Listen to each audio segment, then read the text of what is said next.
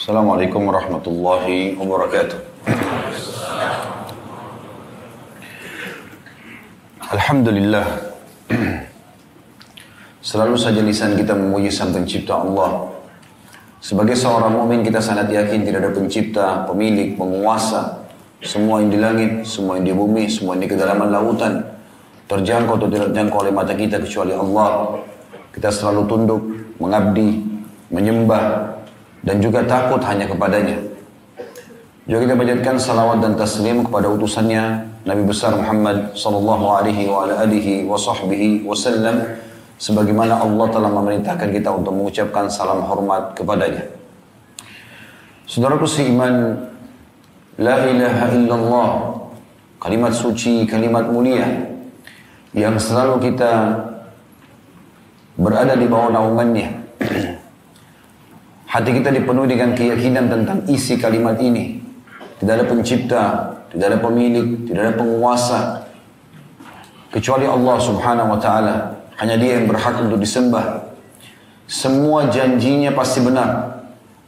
Tidak ada keraguan sedikit pun atas janji-janjinya. Orang yang patuh dan beriman akan mendapatkan kebahagiaan, ketentraman, rezeki, keselamatan dunia dan akhirat. Serta tidak ada keraguan atas ancaman dan hukuman bagi orang-orang yang membangkang.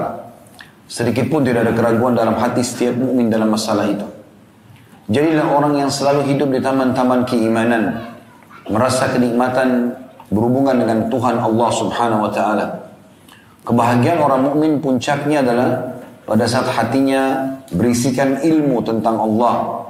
Dia tahu Tuhannya ada. Pada saat dia sedang sehat, nikmat melimpah, yang ciptakan dia Allah, yang ciptakan nikmat itu Allah, yang bisa mempertahankan hanya Allah. Maka hanya minta kepada Allah saja. Dan pada saat dia sedang sakit, ada musibah, ada cobaan, yang ciptakan dia Allah. Yang ciptakan permasalahan itu Allah, yang hanya bisa memberikan jalan keluar hanya Allah. Beruntunglah orang yang hatinya dipenuhi dengan keimanan dan ilmu seperti ini. Dia mengenal Tuhannya, sehingga selalu bahagia. Dalam kondisi terpenuhi kebutuhannya ataupun kurang, dalam kondisi sakit ataupun sehat, kaya atau miskin, sedang mukim atau musafir, selalu saja ada Allah sebagai Tuhan yang bersamanya. Dan kebahagiaan apa, saudaraku seiman, yang bisa mengalahkan bila seseorang bersama dengan Tuhan Sang Maha Perkasa, Maha Bijaksana, yang memberikan dan menciptakan rezeki untuk seluruh makhluk. Orang-orang yang beriman sangat yakin dengan penuh keyakinan dan ini tentu butuh ilmu dan belajar bahwasanya dia akan bahagia, dia akan tentram kalau dia hanya bergantung kepada Tuhannya Allah. Sebagaimana Allah jelaskan dalam Al-Quran, di antaranya surah An-Nisa ayat 125 yang bunyinya وَمَنْ أَحْسَنُ دِينًا مِمَّنْ أَسْلَمَ وَجْهَهُ لِلَّهِ وَهُوَ مُحْسِنٌ Al-ayat. Dan siapakah yang lebih baik hidupnya, agamanya, lebih tentram hatinya daripada orang yang ikhlas dan menyerahkan dirinya kepada Allah sedangkan dia pun mengerjakan kebajikan-kebajikan. Detik-detik hidupnya penuh semuanya dengan keimanan, ketentraman, selalu bahagia. Selalu tidak terbebani dengan apa pun karena dia tahu dia sedang berhubungan dengan Tuhannya Allah Subhanahu wa taala. Hartanya lagi melimpah, dia sedekahkan. Hartanya lagi sedikit sempit, dia tinggal mohon kepada Tuhannya. Semua hidupnya bersama dengan Tuhannya. Dan dia juga selalu merasa diawasi.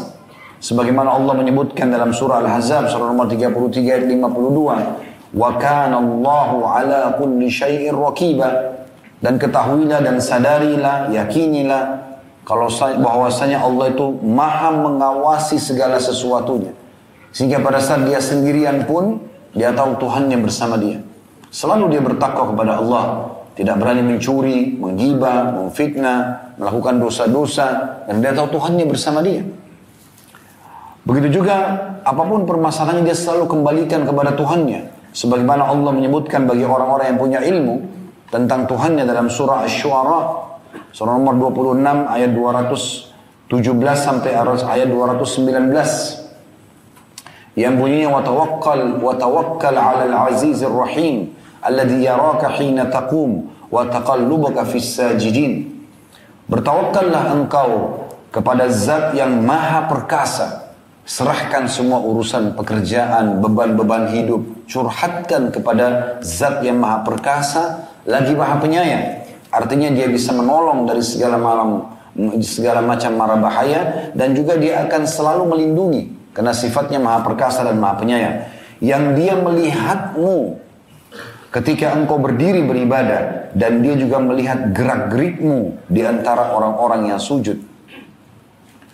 Juga orang-orang beriman sangat yakin sebagaimana Allah jelaskan dalam surah Yunus surah nomor 10 ayat 61 wa ma takunu fi sya'nin wa ma tatlu min qur'anin wa la ta'maluna min 'amalin illa kunna 'alaykum shuhudan id tufiduna fi وما يعزب عن ربك من مثقال ذرة في الأرض ولا في السماء ولا أصغر من ذلك ولا أكبر إلا في كتاب مبين Kamu tidak berada dalam satu kegiatan apapun dan tidak membaca satu ayat dari Al-Quran dan kamu tidak mengerjakan satu pekerjaan melainkan kami menjadi saksi atasmu di waktu kamu melakukannya tidak akan pernah luput dari pengetahuan Tuhanmu biarpun sebesar atom di bumi ataupun di langit tidak ada yang lebih kecil dan tidak pula yang lebih besar dari itu melainkan semua sudah tercatat dalam kitab yang nyata atau lahil mahfud Seorang mukmin dengan ilmunya terhadap Tuhannya, dia sangat tentram. Dia tahu kalau semua sudah dicatat di Lauhil Mahfud. Semua sudah tertakdirkan. Rezekinya tidak akan pindah kepada orang lain. Tidak akan pernah merasa sedih karena kehilangan dari urusan dunia ini. Sebagaimana Sa'id bin Musayyib rahimahullah mengatakan, aku telah bertemu dengan satu generasi kaum, maksudnya para sahabat, yang mereka sama sekali tidak pernah sedih atau bahkan memikirkan atau melirik apa pun dari permasalahan dunia yang mereka atau yang luput dari mereka. Tapi mereka malah sedih kalau ketinggalan masbuk satu rakaat sholat berjamaah. Kehilangan satu sholat sunnah atau amalan-amalan sunnah yang mereka harusnya kerjakan karena sudah rutin dijaga. Itu lebih mahal bagi mereka dibandingkan seluruh harta dunia ini. Betapa banyak orang yang tidak punya ilmu tentang Allah, akhirnya meeting di hari Jumat, tinggalkan sholat Jumatnya Gara-gara bertemu janjian sama temannya lewat sholat wajibnya, takbiratul ihram berlalu, yang tidak akan pernah dia bisa perbaiki sampai hari kiamat.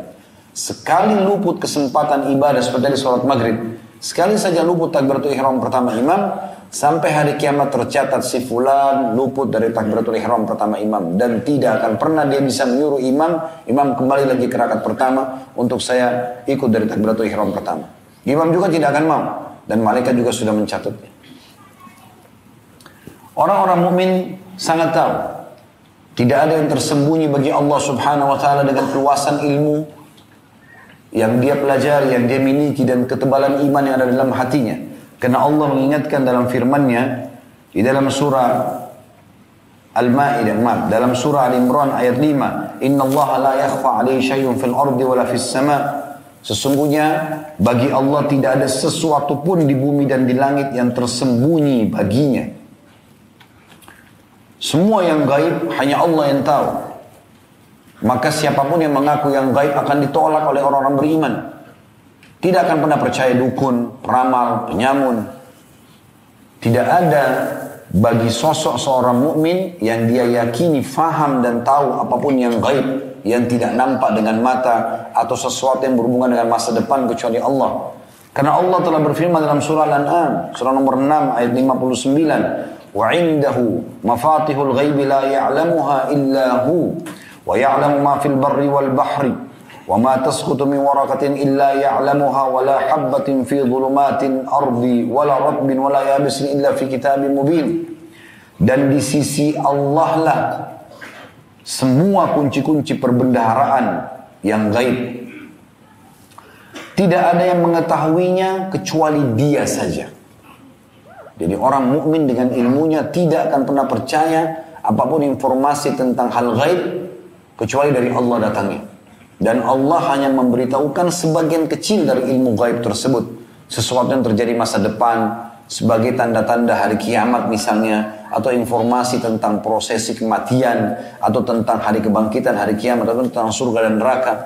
Selain daripada ini, menebak-nebak masa depan, menebak-nebak nasib, menebak-nebak rezeki, semua kedustaan nyata. bagi orang mukmin tertolak secara mutlak. Karena memang Allah berfirman dan bagi dia ini adalah dalil mutlak.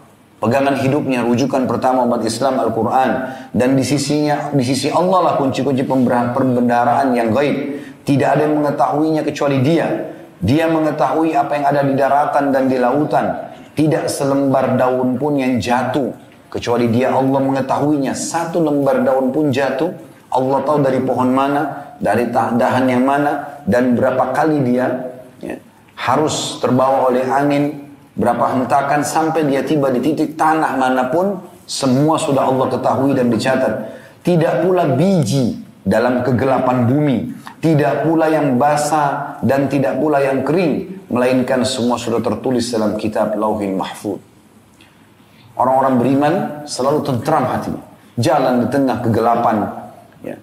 melewati daratan, hutan, lautan, bagi dia semua adalah makhluknya Allah.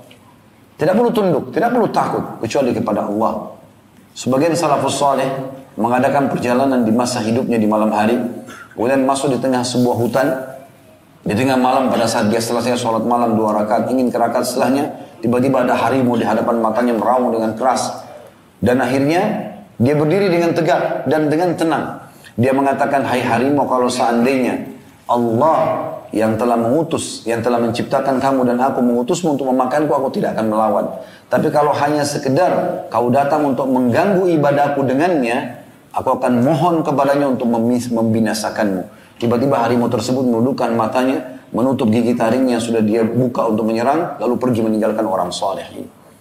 Bagaimana Salman al-Farisi, Bilal radhiyallahu anhu majma'in, dan ada kurang lebih, ya, tidak kurang dari seribu orang sahabat pada saat itu menyeberangi sungai Madain untuk menembus bentengnya Kisra. Dan sungai itu sangat deras airnya. Mereka turun dengan kuda-kuda mereka sambil mereka bertasbih dan bertahlil sambil mengatakan inilah yang dijanjikan oleh Allah dan Rasulnya. Istana putihnya Kisra sudah nampak dan Rasulullah SAW sudah menjanjikan. Maka air sungai yang deras tidak sama sekali mengganggu mereka untuk menyeberang dan akhirnya mereka berhasil semuanya tidak ada satupun jadi korban ya menyeberangi dan sampai ke benteng tersebut. Dan gara-gara pemandangan ini sebab pemandangan ini akhirnya pasukan Kisra yang sangat kuat di atas benteng mengatakan kita tidak mungkin bisa mengalahkan orang-orang yang punya keyakinan seperti ini. Lautan dilalui hutan dilewatin tidak ada sesuatu yang jadi beban dalam hidup mereka. Penyakit yang kronis semua jadi kecil karena dia tahu yang ciptakan dia Allah, yang ciptakan juga masalah itu Allah. Dia bisa minta kepada Allah. Sayangnya keyakinan seperti ini masih sangat dangkal dari sebagian besar kaum muslimin. Juga Allah subhanahu wa ta'ala memastikan dia akan selalu bersama kita. Di keramaian seperti ini ataupun kita sendirian. Allah selalu hadir. Bagi orang yang mau menghadirkan dirinya dengan Tuhannya. Allah pastikan dalam surah hadid. Surah nomor 57 ayat 4. Wahuwa ma'akum aina ma kuntum dan dia bersama kalian selalu di mana saja kalian berada. Juga Allah Subhanahu wa taala mengetahui semua apa yang dalam hati manusia. Orang-orang beriman sangat tahu sehingga apa pun yang dia niatkan tidak akan pernah keluar walaupun buruk. Niat saja dia akan kontrol. Dia tidak akan mungkin mengucap meniatkan dalam hatinya keburukan. Dan Tuhan yang mengetahui masalah itu. Kapan dia niat baik, Tuhannya akan baik, berikan balasan. Walaupun orang niat tidak langsung dihukum. Tetapi orang-orang beriman tidak akan memunculkan dalam hatinya niat buruk. Walaupun orang di depannya buruk. Tidak perlu balas keburukan dengan keburukan. Karena Allah sudah menyebutkan dalam surah Al-Baqarah surah nomor 2 ayat 235. Wa'alamu anna Allah ya'lamu ma fi anfusikum fahdharu. Wa'alamu anna Allah ghafurun halim. Ketahuilah, yakinilah bahwasanya Allah mengetahui apa yang ada dalam hatimu semuanya, baik atau buruk. Maka takutlah kepadanya. Para salafus saleh kalau membaca ayat ini, mereka berazam, bertekad dengan sangat kuat membersihkan dari hatinya semua niat buruk, semua niat maksiat. Ditutup semuanya. Apalagi mengaplikasikan dalam kehidupan, dalam hati aja niat tidak ada. Mereka keluarkan karena mereka tahu Allah mengatakan di sini dan ketahuilah Allah mengetahui semua isi hati kalian maka takutlah kepadanya. Maka ketahuilah bahwa Allah Maha Pengampun lagi Maha Penyantun. Kalau kamu berhentikan tidak mau lagi niat-niat buruk ya, maka Allah itu Maha Pengampun lagi maha penyantun. Dia akan berikan kebutuhanmu. Untuk apa bergantung pada manusia?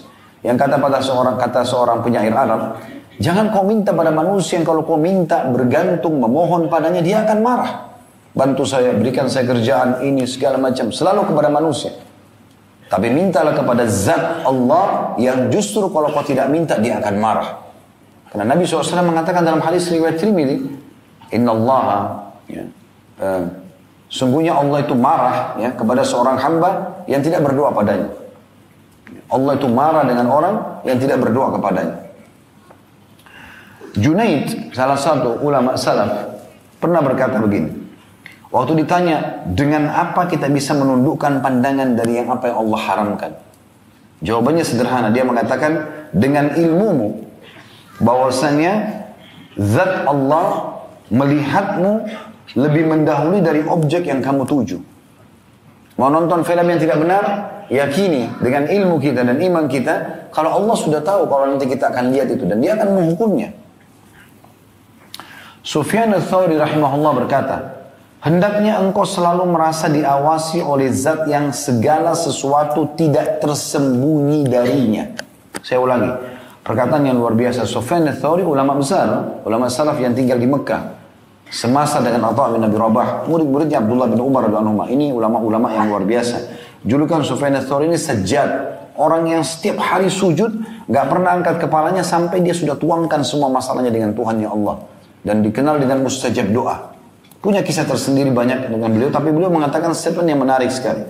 Beliau mengatakan, hendaknya engkau selalu merasa diawasi oleh zat Allah yang segala sesuatu tidak tersembunyi darinya. Hendaknya engkau selalu berharap kepada zat yang menepati janjinya. Manusia bisa meluput janjinya. Kalau Allah mustahil. Berdoa Allah ijabah, pasti dijabah. Minta Allah kasih. Apa saja, rezeki, keturunan, pasangan, keselamatan, semua Allah kasih. Minta saja, tinggal order sama Allah. Tidak ada melalui sekretaris, wudhu, sholat, berdoa, selesai. Cuma sayangnya banyak orang di antara kita, nanti kalau ada masalah baru kembali kepada Tuhannya. Padahal memohon agar nikmat Allah dipertahankan jauh lebih mulia. Dan lebih bermakna di sisi Allah subhanahu wa ta'ala dibandingkan nanti ada masalah baru minta solusinya. Jadi tidak ada alasan untuk tidak berdoa. Sementara kita sehat begini, minta agar sehat dipertahankan. Itu lebih besar pahalanya dibandingkan sakit baru minta obatnya. Minta sembuh. Itu boleh, tapi lebih afdol yang pertama. Dan kalau ingin pada saat masalah sedang ada, Allah hadir dalam hidup kita, maka fahami baik-baik. Kata Nabi SAW, kenali Tuhanmu pada saat kau sedang lapang, maka dia akan mengenalmu pada saat kau sedang sulit. Saya ulangi kata beliau lagi, Hendaknya engkau selalu merasa diawasi oleh zat yang segala sesuatu tidak tersembunyi darinya. Hendaknya engkau selalu berharap kepada zat yang pasti menepati janjinya. Dan hendaklah engkau selalu takut kepada zat yang kuasa setiap saat memberi hukuman.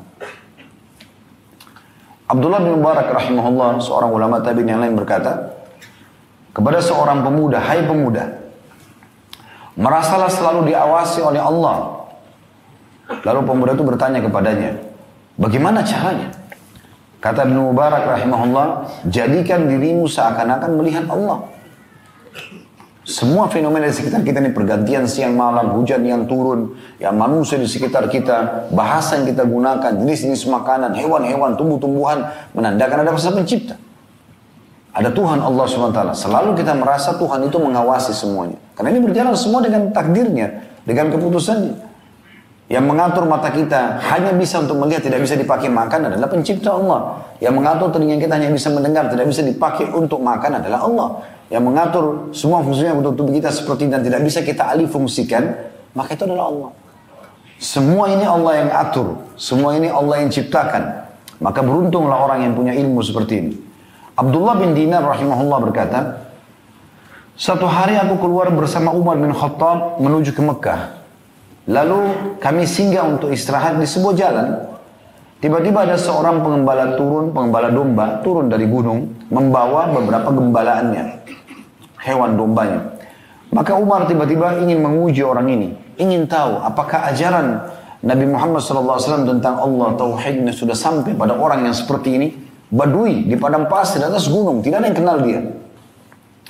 Maka kata Umar, hai pengembala, juallah kepada kami seekor dombamu dari kumpulan domba-domba itu. Pengembala itu mengatakan, sungguhnya domba ini bukan punya aku, ada pemiliknya. Tidak mungkin maksudnya aku jual. Maka kata Umar, katakan saja sama tuanmu, kalau kalau domba yang akan kau jual kepada kami itu dimakan oleh serigala. Tuanmu mau tahu dari mana? Udah jual sama kami, ambil uangnya. Dombanya kami ambil. Kamu tinggal bilang domba kamu dimakan serigala. Pasti dia percaya. Maka tiba-tiba uniknya orang Badui tersebut menangis terisak-isak. Lalu dia mengatakan, kalau begitu di mana Allah? Maka Umar pun ikut menangis bersama dengan Abdullah bin Dinar. Terisak-isak menangis melihat kejadian tersebut. Lalu kemudian Umar pun keesokan harinya pergi kepada majikan si budak tersebut lalu membebaskan atau memerdekakannya. Diceritakan bahwasanya Nabi Yusuf AS waktu sedang digoda oleh Zulaikha, perempuan yang menggodanya untuk berzina, maka sempat waktu dia mengejar-kejar Nabi Yusuf, ada patung yang disembah oleh Zulaikha di pinggir kamar tidurnya. Dia sempat mampir, diambil selembar kain, lalu ditutup patung tersebut. Karena dia mengalu dengan Tuhannya. Maka Nabi Yusuf berkata, apa ada apa denganmu? Apakah kamu malu kepada benda mati seperti ini sedangkan aku tidak malu dengan pengawasan raja yang maha perkasa. Gara-gara itu justru menambah imannya Nabi Yusuf. Nabi Yusuf tambah lari dari Zulaiha menuju ke pintu untuk menyelamatkan dirinya dari perzinahan tersebut. Seorang salaf bersenandung dari sebuah syair atau beberapa bait syair yang disusun oleh dia. Menarik sekali. Dia mengatakan begini, "Idza ma khal idza ma khalawta ad-dahra fala taqul." Kalau satu waktu nanti engkau menyendiri, maka jangan pernah engkau mengucapkan khalautu. Aku sedang sendirian. Walakin kul aliyya rakibu. Tapi bilang kalau saya ini punya pengawas. Wala tahsabanna Allah yakfalu sa'ah. Jangan pernah engkau bodoh lalu menganggap dan mengira Allah lalai walaupun sesaat. Wala annama tukhfi alaihi yaghibu. Dan jangan engkau mengira bahwa apa yang engkau sembunyikan luput darinya. Seakan-akan Allah tidak tahu. Sembunyikan ahli curian, sembunyikan niat-niat buruk. Ya. Alam tara annal yauma asra'u zahibin. Bukankah kau lihat bahwasanya hari-hari cepat sekali berlalu? Wa anna gadan linnadhirina qaribu. Dan besok amat cepat datangnya bagi orang-orang yang menunggu. Maksudnya, toh kamu juga sekarang akan menuju ke pada kehidupan akhiratmu dan akhirnya kamu akan diminta pertanggungjawaban tentunya. Semua ini teman-teman sekalian, saya masih menganggap adalah pembukaan bahasan kita. Karena bagi saya, memang ini lebih penting untuk difahami. Judul kita pada malam ini dosa besarnya adalah Bab maja fil qawli alallahi bila ilm. Bab penjelasan tentang berbicara atas nama Allah tanpa ilmu. Oleh karena itu dari tadi kita jelaskan bagaimana indahnya orang yang menjadi orang beriman. Lima menit kita hanya menyebutkan beberapa ayat Al-Quran beberapa contoh dari perkataan salaf. Saya yakin, saya pun sudah sering mengulangi ini, dan saya yakin teman-teman juga bisa merasakan perbedaan ada iman kita. Kita merasakan, oh iya ya, oh iya ya, gitu kan. Ada perasaan seperti itu. Ini baru beberapa saat. Bagaimana kalau setiap saat selama 24 jam hidup kita berada di taman-taman keimanan. Selalu merasa diawasi oleh Allah. Komunikasinya selalu berdua dengan Tuhannya. Semua perkaranya dipermudahkan. Rezekinya dikasih. Permasalahan dipecahkan kalau ada musuh dimenangkan, tidak ada sesuatu yang jadi penghalang bagi orang-orang beriman. Begitulah kondisi yang dicontohkan oleh Nabi dan para sahabat, para salafus saleh. Begitu kondisi mereka. Saya akan bacakan apa tulis oleh Syekh Muhammad rahimahullah dalam bab ini tentunya. Bab ini sangat uh, sejalan sebenarnya dengan bab yang sebelumnya ya. Bab tentang majafil kadhibi Allahi wa rasuli. Bab tentang berdusta atas nama Allah dan Rasulnya. Nanti kita coba akan bacakan keduanya, tapi saya bacakan dulu dalilnya. Yang pertama diangkat oleh beliau adalah tentang bab berkata atau berbicara atas nama Allah tanpa ilmu. Surah Al-A'raf ayat 33 yang bunyinya Qul innama harrama rabbiyal fawahisha ma dhahara minha wa ma batan ما ظهر منها وما بطن والإثم والبغي بغير علم وأن تشركوا بالله ما لم ينزل به سلطانا وأن تقولوا على الله ما لا تعلمون Katakan hai Muhammad, Rabbku hanya mengharamkan perbuatan yang keji, baik yang nampak ataupun yang tersembunyi. Semua pelanggaran-pelanggaran ya, yang dilarang, nampak ataupun tersembunyi semuanya diharamkan. perbuatan dosa, melanggar hak manusia tanpa alasan yang benar, mengambil yang bukan hak kita, hak orang lain. Mengharamkan atau mempersekutukan Allah dengan sesuatu yang Allah tidak menurunkan hujah akan itu, serta Allah juga mengharamkan mengada-ngada terhadap Allah apa yang tidak kamu ketahui. Saksi bahasan kita potongan terakhir dari ayat ini. Allah mengharamkan poin-poin ini di antaranya berkata tentang Allah sesuatu yang tidak punya dasar ilmu. Nanti kita jelaskan. Ya. Kurang lebih saya kategorikan ini menjadi tiga kategori tentang orang-orang yang ya, berbicara tentang Allah ini tanpa ilmu, ya, tanpa ilmu. Baik, kita bacakan Abu Musa radhiyallahu anhu berkata lanjutan dalilnya setelah ayat tadi kata Syekh Muhammad yang dalil ini Abu Musa berkata radhiyallahu anhu man 'allamahu Allahu ilman falyu'allimhu an-nas wa iyyahu an yaqula ma la ilma lahu bihi fayakuna minal mutakallifina wa yamruku. Barang siapa yang diajari oleh Allah satu ilmu, maka hendaklah dia mengajarkannya kepada manusia dan hati-hati dia mengatakan perkara yang dia tidak memiliki ilmu padanya. Jangan nambah-nambah. Setahu sebatas ilmu kita saja. Sehingga dia termasuk menjadi orang-orang yang memberat-beratkan diri dan melesat keluar dari agama. Juga yang ketiga diangkat oleh beliau dalil dalam kitab As-Sahih dari Ibnu Amr, Abdullah bin Amr radhiyallahu anhu secara marfu inna Allah la yaqbudul ilma intiza'an yantazi'uhu min qulubil rijal walakin yaqbidul ilma bi mautil ulama hatta idza lam yabqa 'alimun ittakhadha an-nas ru'usan juhala fasu'ilu fa'aftu bighairi ilm fadallu wa adallu Sesungguhnya Allah tidak mencabut ilmu dengan sekali cabutan yang dia lakukan dari hati-hati orang-orang. Tetapi Allah mencabut ilmu dengan meninggalkan dengan meninggalnya para ulama. Hingga jika tidak tersisa seorang ulama pun, manusia akan mengambil para pemimpin yang bodoh. Kemudian mereka ditanya, lalu mereka berfatwa tanpa ilmu, sehingga mereka sesat dan menyesatkan. Hadis ini riwayat Bukhari Muslim. Kita akan coba jelaskan teman-teman sekalian, untuk lebih faham tentang masalah Bagaimana ya, rincian daripada bab ini? Kita akan bagi menjadi tiga bagian. yang pertama, yang dimaksud berbicara tanpa ilmu adalah menyampaikan apa pun yang berhubungan dengan agama ini tanpa ilmu. Ngomong saja atas nama agama, tapi jahil, gak faham. Ya. Banyak di masa kita sekarang orang ngomong tanpa ilmu bermodalkan pakaian, penampilan, tapi tidak ada ilmunya. Kosong. Lalu ngomong, yang penting terkenal, selesai. Ngomong, diingatkan salah tidak mau tahu. Ya, sesat dan menyesatkan. Ini disinggung tadi dalam perkataan Abu Musa al-Ash'ari dan juga hadis ya, Abdullah bin Amr. Dan dari hadis Abdullah bin Amr tadi ini kita ambil pelajaran penting bahwasanya perlunya kita menghormati para ulama. Bukan justru sengaja mencari-cari kesalahan mereka, Segera mumpung mereka masih hidup ambil ilmunya. Belajar dari mereka, hadir di majelis, ini. Ada orang subhanallah tidak mau datang ke pengajian kecuali dekat rumahnya saja. Kalau jalan jauh nggak mau. Hujan sedikit gerimis nggak mau. Terus harapannya bagaimana? Ilmu datang kepada dia. Gak bisa akhir dan bukti. Ilmu didatangi. Datang kepada orang belajar. Ulama tidak banyak. Dihitung jari dari di, kalau dipertemukan dengan jumlah manusia semua berapa ulama itu? Tidak banyak sedikit. Maka datang belajar dari mereka. Para salafus saleh dulu datang belajar. Berbulan-bulan mereka datang pakai kuda, pakai unta. Antum tinggal gas motor, gas mobil, tinggal datang ke Blok M. Mudah sekali. Tinggal datang ke masjid ini, datang ke masjid itu. Tinggal belajar. Dari para dai-dai. Apalagi kalau sudah ulama-ulama besar yang datang. Ya, dari luar negeri, dari para masyayikh. Ya, maka belajar dari mereka. Ada daurah-daurah hadir, ikuti. Jadi kan? Karena kalau kapan mereka sudah diwafatkan oleh Allah Subhanahu wa taala, maka ilmu itu pergi bersama mereka. Begitu juga di bab sebelumnya, ini masuk dalam kategori yang pertama ya, berkata atas nama Allah tanpa ilmu, yaitu mereka berkata ilmu agama ini tanpa ilmu dan tanpa belajar, bukan dari sumber yang benar.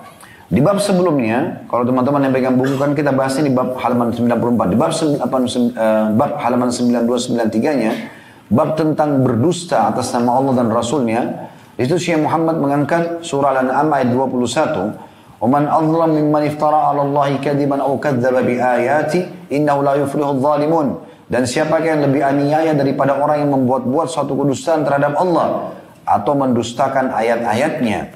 Sesungguhnya orang yang aniaya itu tidak mendapatkan keberuntungan. Maksudnya mengarang-ngarang. Firman Allah ini maksudnya ini. Ya. Karena dia tidak punya ilmu, tidak belajar. Juga dalam firman Allah SWT dalam surah Az-Zumar ayat 60, "Wa yaumal qiyamati taral ladzina kadzabu 'ala Allahi wujuhum muswadda, alaysa fi jahannam mathwan lil mutakabbirin." Dan pada hari kiamat kamu akan melihat orang-orang yang berbuat dusta terhadap Allah. Muka mereka menjadi hitam. Bukankah dalam neraka jahanam itu ada tempat bagi orang-orang yang menyombongkan diri? Maksudnya ini bentuk perkataan uh, kriteria pertama atau kategori pertama dari berkata tentang Allah tanpa ilmu adalah seperti ini. Mereka berbicara tentang agama Allah tapi nggak punya ilmunya. Juga banyak orang yang mengarang-arang hadis Sebagaimana disebutkan dalam Sahihain dari Anas radhiyallahu anhu bahwasanya Rasulullah SAW bersabda, Inna kadiban aliyya laysa ka kadibi ala ghairi. Man kadzaba alayya muta'ammidan falyatabawa maq'adahu minan nar. Sesungguhnya berdusta atas namaku kata Nabi SAW. Rasulullah bersabda padahal sebenarnya tidak misalnya. Tidaklah seperti berdusta atas orang selainku. Barang siapa yang berdusta atas namaku, membawa nama Nabi secara sengaja, ya, maka hendaklah dia mengambil tempat duduknya di api neraka. Hadis ini riwayat Bukhari dan Muslim. Kemudian juga masih mirip dengan lafaz ini, lafaznya Imam Muslim berbunyi man ta'ammada alayya kadiban falyatabawwa maq'adahu minan nar. Barang siapa yang sengaja dusta atas namaku kata Nabi SAW maka hendaklah dia mengambil tempat duduknya di neraka. Maksudnya dipastikan dia masuk dalam neraka. Dan dalam riwayat Imam Muslim yang lain dari hadis Samurah bin Jundab radhiyallahu anhu secara marfu beliau mengatakan man haddatha anni bi haditsin yura annahu kadhibun bahwa ahlul kadhibin. Barang siapa yang mengatakan dariku suatu perkataan yang terlihat itu adalah dusta, maka dia salah seorang dari golongan orang yang berdusta. Hadis ini tentu hadis yang sahih. Baik teman-teman sekalian, ini yang pertama. Yang kedua, yang termasuk dalam berkata tentang Allah tanpa ilmu, yaitu menghina Allah. Menghina Allah subhanahu wa ta'ala. Bagaimana maksudnya menghina? Contoh rinciannya. Di kriteria nomor dua atau kategori nomor dua ini adalah ada orang-orang yang mengatakan Allah memiliki anak. Ya. Keyakinan orang. Tanpa ilmu. Dari mana dalilnya? Pernah dia lihat Allah punya anak? Dari mana dia bisa tahu mengatakan Allah punya anak? Ini Allah bantah dalam surah Maryam. Surah nomor 19. Ya. Dimulai dari ayat 88 sampai 94. Saya minta teman-teman buka semua. Supaya ini diketahui bukan perkataan saya tapi Allah yang membantah masalah itu. Dan ini bukan perkara ringan ini, ya. Ini perkara yang sangat berat. Kalau berkata Allah itu memiliki anak. Dalam surah Maryam ayat 88-nya berbunyi wa qalu rahman waladar. Mereka berkata bahwasanya Allah zat yang maha pemurah memiliki anak. Laqad Shay'an syai'an idda. Sesungguhnya kamu telah mendatangkan satu perkara yang sangat mungkar. Siapa yang berfirman ini? Allah. Allah sama sekali tidak mau dikatakan memiliki anak. Dan mereka berkata, Tuhan yang maha pemurah mengambil atau mempunyai anak. Ayat 88, ayat 89-nya, sungguhnya kamu telah mendatangkan satu perkara yang sangat mungkar. Ini tanpa ilmu. Tidak ada bukti Allah punya anak. Ayat 90-nya, takadu samawatu yatafattarna minhu wa tanshaqqul ardu wa takhirrul jibalu hadda. Hampir-hampir langit pecah. Di atas kepala kita bisa lihat ini langit hampir pecah. Karena ucapan itu bumi bahkan bisa terbelah dan gunung-gunung runtuh. Karena berat sekali mengatakan Allah punya anak itu. Ayat 91-nya, Anda'u lirrahmani walada. Karena mereka mendakwakan Allah yang maha pemurah mempunyai anak. 92-nya, Wa ma yanbaghi lirrahmani an yattakhidha walada. Dan tidak layak bagi Tuhan yang Maha Pemurah mengambil atau mempunyai anak. Ayat 93-nya, In kullu man fis samawati wal ardi illa atir rahmani abda. Tidak ada sesuatu pun di langit dan di bumi kecuali akan datang kepada Tuhan yang Maha Pemurah selaku seorang hamba. Semuanya ciptaan Allah Subhanahu wa taala.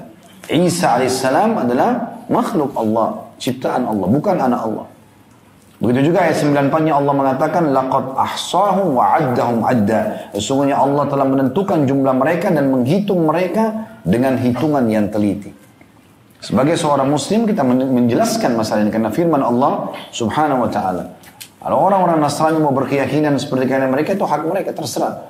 Tapi kita juga punya hak untuk menyampaikan. Kalau dalam pandangan agama kita sebagai seorang muslim, tidak boleh kita mengatakan Allah memiliki anak dan ini perkataan terhadap Allah yang tidak benar. Dan kita harus menegakkan ya amr ma'ruf nahi mungkar. Ini kemungkaran. Nggak boleh dibiarkan. Ya. Ka'ab al-Ahbar berkata, Ghadibatil malaika wasta'aratil nar hina qalu ma qalu. Beliau mengatakan sungguhnya seluruh malaikat murkah ikut marah. Ya. Begitu juga api neraka bergejolak pada saat mereka mengucapkan perkataan mereka itu. Kata Nabi SAW dalam hadis Bukhari Muslim, Laisa ahadun atau riwayat lain laisa syai'un. Tidak ada seseorang atau tidak ada sesuatu pun asbaru ala adha. Lebih sabar pada saat mendengar gangguan sami'ahu yang dia dengar min Allah dari Allah. Jangan lebih sabar daripada Allah. Memang apa ini yang sedang dibahas? Perhatikan baik-baik. Innahum la yad'una lahu walada. Sesungguhnya mereka menyatakan bahwasanya Allah punya anak wa innahu la yu'afihim wa yarzuquhum. Tapi dari sisi lain Allah masih memaaf memberikan mereka kesehatan dan Allah masih memberikan mereka rezeki. Berarti memang perkataan ini bukan perkataan main-main, perkataan yang sangat berat. Ini perkataan terhadap Allah yang tidak punya ilmu ya.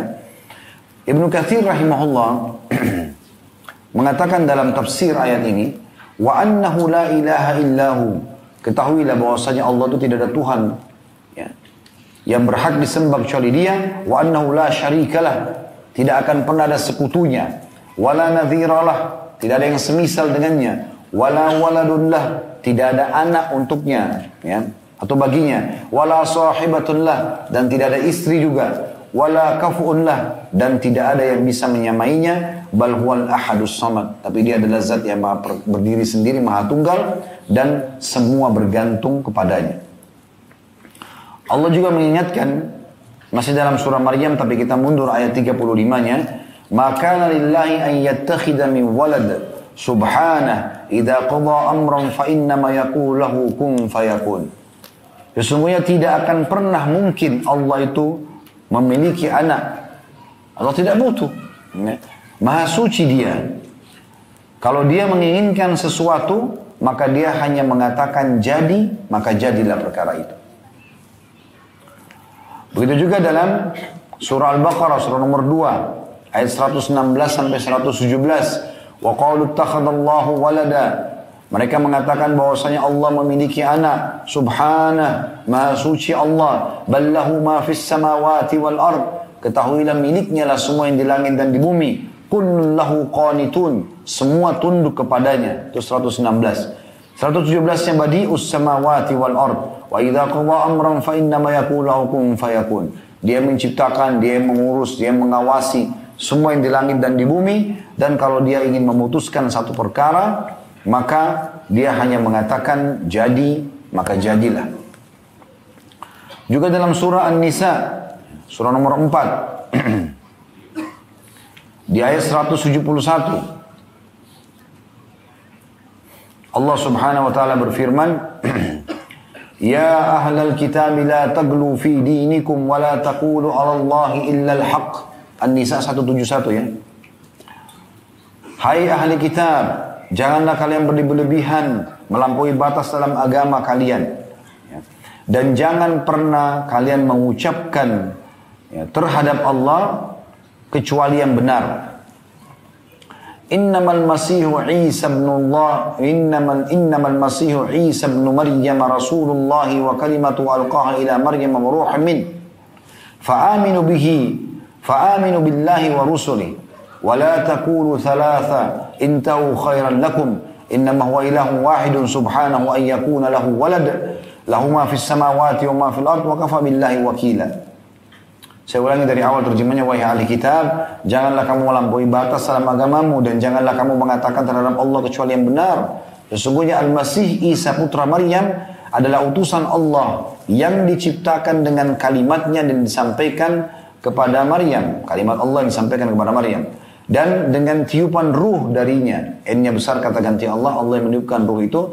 Maka berimanlah kamu kepada Allah dan Rasul-Rasulnya. Dan janganlah kalian mengatakan Tuhan itu tiga. Berhentilah dengan ucapan itu. Itu lebih baik bagimu. Sungguhnya Allah Maha Esa dan Maha Suci. Daripada dari Allah memiliki anak. Segala yang di langit dan di bumi adalah kepunyaannya. Cukuplah Allah menjadi pemelihara. Jadi ini kriteria yang kedua. Ya. Tentang masalah menghina Allah ya. Masuk dalam rinciannya adalah yang pertama, mengatakan Allah memiliki anak. Masih di kriteria yang kedua, di poin yang keduanya, kalau kita kasih di kriteria yang kedua ini adalah ada ada poin A, tadi mengatakan Allah punya anak. Poin B-nya di kriteria yang kedua adalah perkataan orang-orang Yahudi bahwasanya tangan Allah terbelenggu.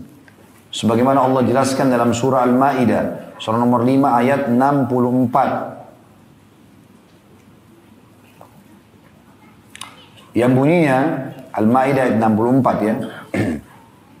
Ini menghina Allah Subhanahu wa taala. Mereka mengatakan wa qalatil yahudu yadullahi maglula gullat aydihim wa lu'inu bima qalu bal yadahu mabsutatan yunfiku kayfa yasha wa la yazidanna katsiran minhum ma unzila ilayka min rabbika tughyana wa kufra wa alqayna bainahum wal baghdha ila qiyamah kullama awqadu naran lil harbi atfa'ha Allah wa yas'auna fil ardi fasada wallahu la yuhibbul mufsidin. Orang-orang Yahudi berkata tangan Allah itu terbelenggu, ya. Sebenarnya tangan mereka lah yang ter, yang dibelenggu dan mereka dilaknat, dihukum oleh Allah karena perkataan mereka itu. Mereka mengatakan tangan Allah terbelenggu, maksudnya pelit, ya. Tangan Allah itu tidak memberi dan segala macam ya. Tidak demikian. Tapi kedua tangan Allah terbuka. Dia menafkahkan atau memberikan sebagaimana dia kehendaki. Dan Al-Quran yang diturunkan kepada Muhammad dari Tuhanmu sungguh akan menambah kedurhakaan dan kekafiran bagi kebanyakan di antara mereka. Dan kami telah menimbulkan atau timbulkan permusuhan dan kebencian di antara mereka sampai hari kiamat. Setiap mereka menyalakan api peperangan, Allah memadamkannya. Dan mereka berbuat kerusakan di muka bumi. Dan Allah tidak menyukai orang-orang yang membuat kerusakan. C-nya di kriteria yang kedua tentang masalah menghina Allah adalah perkataan orang-orang munafik. Ya. Bahwasanya semua janjinya Allah dan Rasulnya itu dusta, palsu. Itu perkataan orang munafik. Bisa kita lihat di surah nomor 33 ya, surah Al-Ahzab ayat 12. Al-Ahzab surah nomor 33 ayat 12 bunyinya وإذ يقول المنافقون والذين في قلوبهم مرض ما وعدنا الله ورسوله إلا غرورا dan ingatlah ketika orang-orang munafik di zaman Nabi SAW dan orang-orang yang berpenyakit dalam hatinya berkata Allah dan Rasulnya tidak menjanjikan kepada kami melainkan tipu daya saja. Salah satu yang disebutkan oleh ulama tentang sebab turunnya ayat ini adalah pada saat di perang Khandaq Nabi SAW sempat memukul batu yang tidak bisa dihancurkan oleh sahabat, kemudian keluar cahaya yang sangat besar, terang, kemudian Nabi SAW bertakbir sampai tiga kali. Pukulan kedua juga percaya, pukulan ketiga juga percaya. Lalu beliau ditanya oleh para sahabat, ya Rasulullah, apa tadi yang kami lihat itu? Kata Nabi SAW, kalian melihatnya? Kata para sahabat, iya ya Rasulullah. Kata Nabi SAW, pukulan pertama Allah perlihatkan kerajaan umatku sampai atau negeri Syam di tangan umatku. Kemudian yang kedua, Yaman di tangan umatku. Yang ketiga, eh, yang kedua adalah Persia di tangan umatku, yang ketiga adalah Yaman di tangan umatku. Maka apa, maka apa kata orang-orang munafik? Muhammad sudah gila nih. Begitu dalam buku-buku sejarah. Masa seseorang di antara kita keluar buang hajat saja, ya? Jadi kalau meja ini adalah kota Madinah, di bagian selatan kota Madinah, misalnya kita anggap selatannya adalah bagian di depan meja ini, maka itu dibuat parit. Karena timur dan barat Madinah tidak bisa diserang dipenuhi dengan batu-batu hitam tajam berwarna hitam ya. Itu tidak mungkin pasukan menyerang Madinah. Ini pertahanan sendiri Allah berikan kota Madinah. Sangat luas. Dikenal dengan Hara Syarqi Hara Garbia di sana. Di bagian utaranya itu dekat dengan negeri Syam.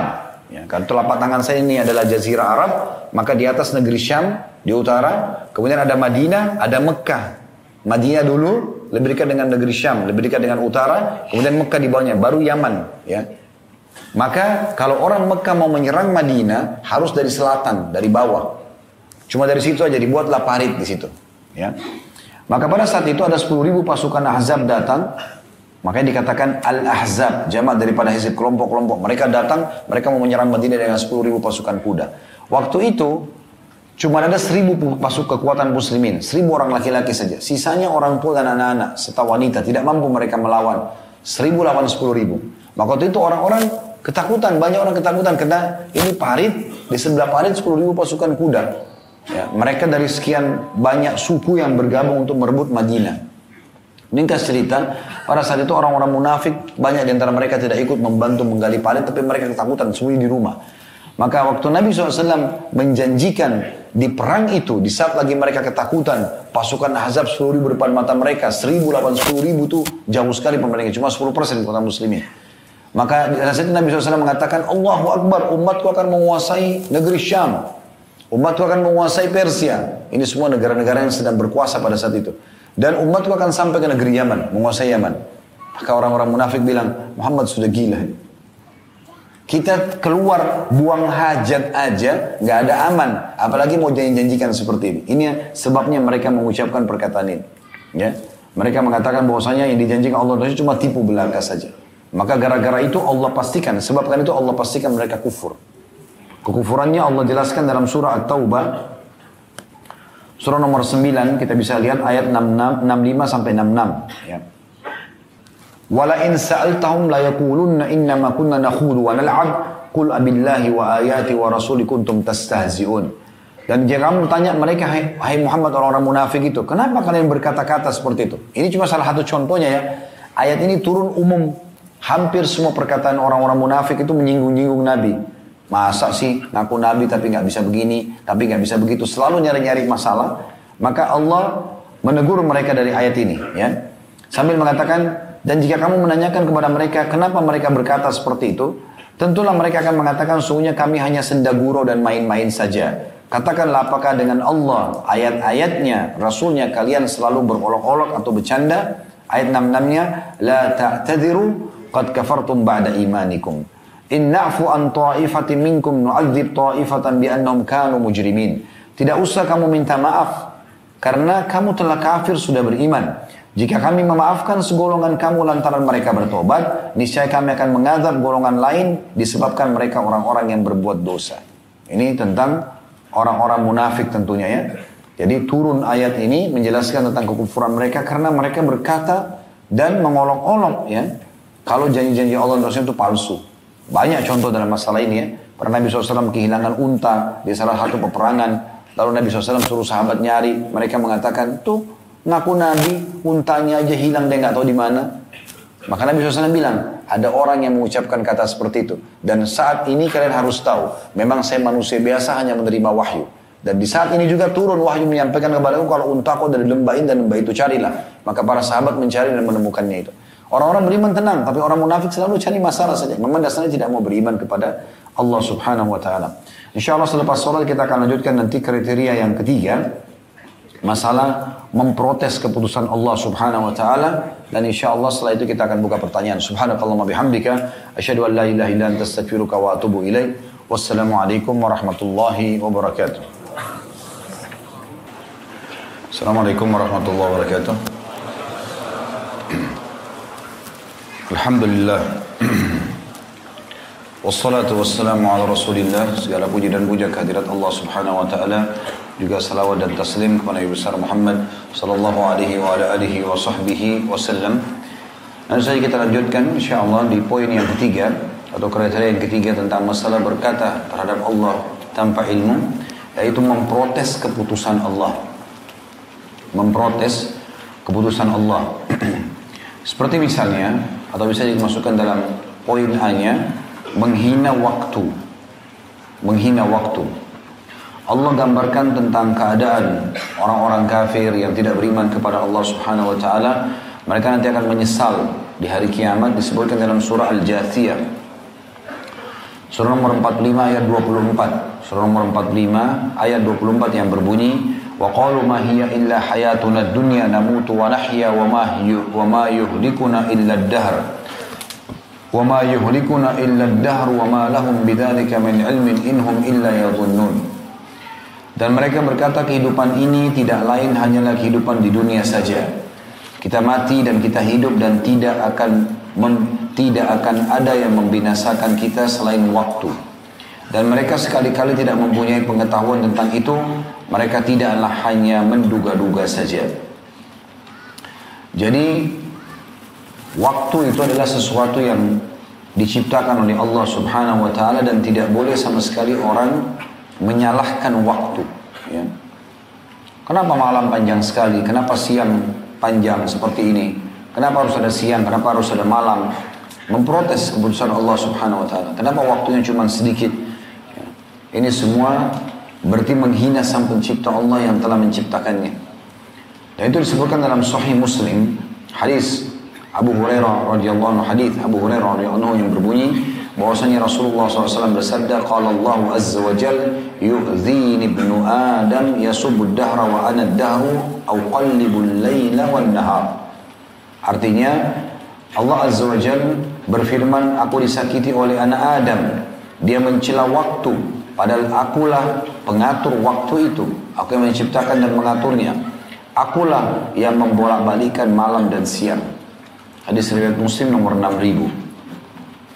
Jadi ini tidak dibolehkan dalam riwayat lain atau lafaz lain kata Nabi SAW Qala Allah Azza wa Jal yu'dhini ibnu Adam yaqulu Ya khaybatad dahr Ya khaybatad dahr fa inni ana dahru uqallibu lailahu wa naharahu fa idza syi'tu qabaltuhuma Allah yang maha mulia dan maha tinggi berfirman aku disakiti oleh anak Adam. Dia mengatakan ya khaybat ya khaybat ad-dahr maksudnya ungkapan mencela ya. Kenapa waktu begini? Gitu. Janganlah seseorang di antara kalian mengatakan kenapa waktu seperti ini atau mencela waktu karena aku adalah pengatur waktu itu Akulah yang telah membalikkan malam dan siang. Jika aku suka, aku akan menggenggam keduanya. An-Nawawi rahimahullah menjelaskan dalam syarah sahih muslim tentang makna hadis ini di jilid 7 halaman 419 bahwa orang Arab dahulu biasanya mencela waktu ketika tertimpa berbagai macam musibah seperti kematian, kepikunan, hilangnya dan rusaknya harta benda, dan lain lain sebagainya dengan mengucapkan ya khaybatad dahr. Maka ungkapan ini mencela waktu. Oleh karena itu keluarlah atau disebutkanlah hadis ini. Jadi nggak boleh kita mencela waktu. Ini termasuk dalam penjelasan ini. Namun kalau seseorang mengatakan misalnya saya hari ini letih sekali karena cuaca panas, ini nggak salah. Ini masih boleh, gitu kan? Seperti perkataan Nabi Lut alaihissalam dalam surah Hud surah nomor 11 ayat 77 yang Allah menukil perkataan Nabi Hud, "Hada yaumun asib." Artinya ini adalah hari yang amat sulit ya. Itu boleh saja. Saya sudah lama mencari pekerjaan belum diterima, belum mendapatkan pekerjaan. Kan itu membahas masalah waktu, itu tidak ada masalah. Tapi kalau dia mencela waktu, kenapa malam panjang, kenapa siang begini, kenapa panas sekali, Ya, semua ini memprotes dia, niatnya memprotes Allah SWT ini tidak boleh. Kita kalau kerja di satu perusahaan, protes atasan kita saja nggak boleh, malah bisa dipecat, apalagi ownernya. Bagaimana dengan sang pencipta langit dan bumi? Jadi tidak boleh. Baik, ini hanya di poin yang ketiga ya, memprotes keputusan Allah. Yang kedua, mencela demam. Mencela demam ya, penyakit demam. Dinukil dalam sebuah kisah bahwasanya ada seorang sahabat Nabi namanya Ummu Sa'ib radhiyallahu anha. Kebetulan pada saat itu Nabi SAW pernah menjenguknya waktu dia lagi sakit. Dan Nabi SAW tanya, ada apa dengan wahai Ummu Sa'ib? Kenapa badanmu bergetar seperti ini? Menggigil, ya. Maka dia mengatakan Alhummala barakallahu fiha. Ini karena demam. Semoga Allah tidak berkahi demam itu. Jadi sahabat ini menyalahkan demamnya. Dia benar sakit. Menyalahkan orang sekarang flu, sakit kepala, menyalahkan penyakitnya. Apa kata Nabi SAW khusus masalah demam di sini sedang karena demam yang dibahasnya. La tasubbil humma. Jangan pernah engkau mencaci maki demam itu fa innaha tudhibu khataya bani Adam karena sungguhnya dia membersihkan dosa-dosa anak Adam kama yudhibul kiru khabathal hadid. Sebagaimana alat yang digunakan oleh pandai besi ya bisa menghilangkan karat-karat yang ada pada besi itu sendiri. Jadi ini termasuk ada larangan ya, tidak dibolehkan mencaci maki ya, demam itu sendiri. Ini juga masuk dalam umumnya penyakit secara umum. Tidak boleh kita caci maki. Penyakit secara umum pun tidak boleh dicaci maki secara umum ya. Kemudian juga masuk dalam masalah ini adalah tidak boleh mencaci maki angin. Angin, angin berhembus. Kata Nabi SAW, La tasubbur rih. Hadis riwayat Trimidi. Jangan kalian caci maki angin itu sendiri. Dilarang. Karena umumnya angin itu Allah subhanahu wa ta'ala jadikan sebagai rahmat. Bushra baina rahmati kata Allah. Setiap kali ada angin terhembus, ya itu orang bisa bernafas, ya. Kita tidak bicara angin ribut ya, itu berarti siksaan dari Allah SWT. Tapi kalau angin secara umum bagus, baik. Ya. Begitu juga dia memudahkan uh, ternukilnya atau uh, antara pohon-pohon ya supaya bisa berbuah ternukilnya apa yang dikandung oleh pohon yang jantan gajah pohon yang betina misalnya dengan angin. Angin juga membawa awan memindahkan sehingga hanya turun hujan di satu tempat. Jadi banyak sekali manfaat dan Nabi SAW larang. Itu masuk dalam masalah ini. Masuk juga dalam masalah ini tentunya tidak boleh menghina secara umum semua jenis musim-musim yang Allah ciptakan. Musim dingin, musim panas, musim kemarau, musim gugur walaupun kita di Indonesia cuma dua musim kan gitu hujan dan musim panas. Tapi di beberapa negara sampai empat musim. Ini semua pasti dengan hikmah Allah subhanahu wa ta'ala Allah ciptakan. Ini tidak boleh dicaci maki. Tugas kita ya udah menerima. Lalu kita menikmati saja apa yang Allah berikan itu. Kita bisa buat program-program gitu kan. Di beberapa negara yang turun salju, mereka nikmati saya salju itu. Walaupun dingin. Mereka bermain ski, mereka menikmati saja gitu kan. Ini tidak ada masalah kita nikmati musim dingin, musim panas semuanya kita tidak boleh caci maki. Ini masuk dalam masalah larangan. Begitu juga dengan mencaci maki hewan-hewan. Ciptaan Allah Subhanahu wa taala, kok hewan itu buruk sekali mukanya misalnya. Ya. Mungkin karena bagi dia buruk. Mungkin kulitnya, mungkin bentuk rupanya, tapi di situ kata ulama justru ada keajaiban ciptaan Allah SWT. Allah bisa ciptakan manusia sangat tampan, Allah ciptakan juga yang sangat jelek. Sangat cantik, sangat jelek. Untuk menunjukkan ini Allah bisa menciptakan dengan apa pun yang Allah inginkan. Bukan untuk dihina itu. Bukan untuk dihina. Bahkan teman-teman sudah tahu belum? Kalau kita itu dilarang mencaci maki syaitan. Syaitan kan musuh-musuh ya. Tidak boleh dicaci maki. Kita boleh berlindung dari syaitan. Tapi nggak boleh kita caci maki. Ya. Itu disebutkan di dalam sebuah hadis Nabi alaihi salatu wassalam. Dan hadis ini sahih riwayat Imam Ahmad nomor 21133 dan Abu Dawud juga sebutkan nomor 4984 La taqul ta'isa syaitan. Jangan pernah kamu mengucapkan celaka syaitan. Ini ada sebabnya ya. Karena ada satu sahabat Rupanya dia pada saat membonceng Nabi SAW, untanya sempat tersentuh batu kakinya, terus jatuh. Gitu kan. Maka dia bilang, sahabat ini mengatakan, celaka syaitan. Dia tidak mau salahkan untanya, dia tidak mau salahkan dirinya, dia bilang celaka syaitan. Mungkin secara akal manusia, mungkin orang pikir, oh syaitan kan memang pengganggu manusia, penyesat manusia. Bilang aja celaka syaitan. Apa kata Nabi SAW? La takul ta'isa syaitan. Jangan kau ucapkan celaka syaitan. Syaitan ini jelas-jelas mencelakakan manusia. Gak boleh kita caci maki nih. Kata Nabi SAW rasanya, فَإِنَّكَ إِذَا قُلْتَ ذَلِكَ تَعَاظَمَ حَتَّى يَكُونَ مِثْلَ الْبَيْتِ Karena kalau kau ucapkan itu, justru syaitan makin membesar. Hingga dia seperti seukuran rumah. Kata Nabi SAW.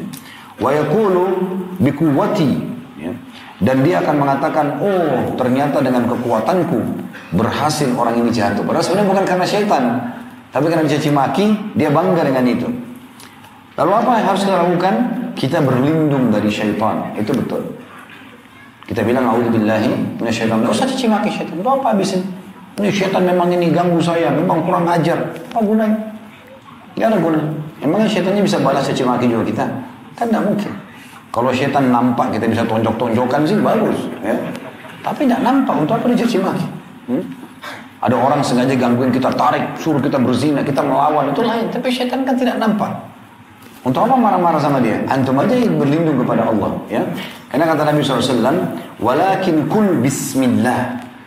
Tapi selalulah bilang bismillah. Fa innaka idza qulta tasagara hatta yakuna mithla dubab. Karena kalau kau baca bismillah, maka syaitan itu akan jadi kecil seperti lalat. Hadis ini sahih diriwayatkan Imam Ahmad. At-Tahawi menjelaskan hadis ini, naha Rasulullah, nahahu Rasulullah sallallahu alaihi wasallam li'annahu dzalika mawqi'u syaitan. Rasulullah SAW melarang sahabat ini mengucapkan karena ucapan itu membuat syaitan bangga Anna dzalikal fi'l kana minhu karena perbuatan itu seakan-akan dari dia padahal sebenarnya bukan dari syaitan. Walam yakun minhu. Dan tadi ya tersentuhnya kaki unta itu ke batu sehingga akhirnya jatuh, hampir jatuh ya. Itu bukan perbuatan syaitan. Tapi karena orang disebutkan ke syaitan dia jadi bangga oh ternyata saya bisa begini dan begitu. Ya. Karena banyak orang membesar-besarkan syaitan ya. Padahal syaitan itu lemah. Kata Allah SWT, Inna kaida syaitani kana dha'ifa. Syaitan itu lemah. Kalau syaitan kuat kira-kira teman-teman, antum masih bisa duduk sini belajar? Hah? Masih bisa kita sholat? Bisa kita puasa? Haji dan umroh? Gak bisa. Diikat leher kita semuanya. Tapi saking lemahnya, dia cuma bisik.